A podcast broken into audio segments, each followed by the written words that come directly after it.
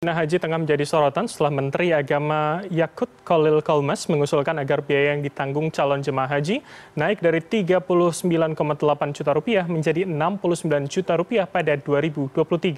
Bagaimana sebenarnya pengelolaan dana haji ini? Kita simak penjelasannya berikut ini.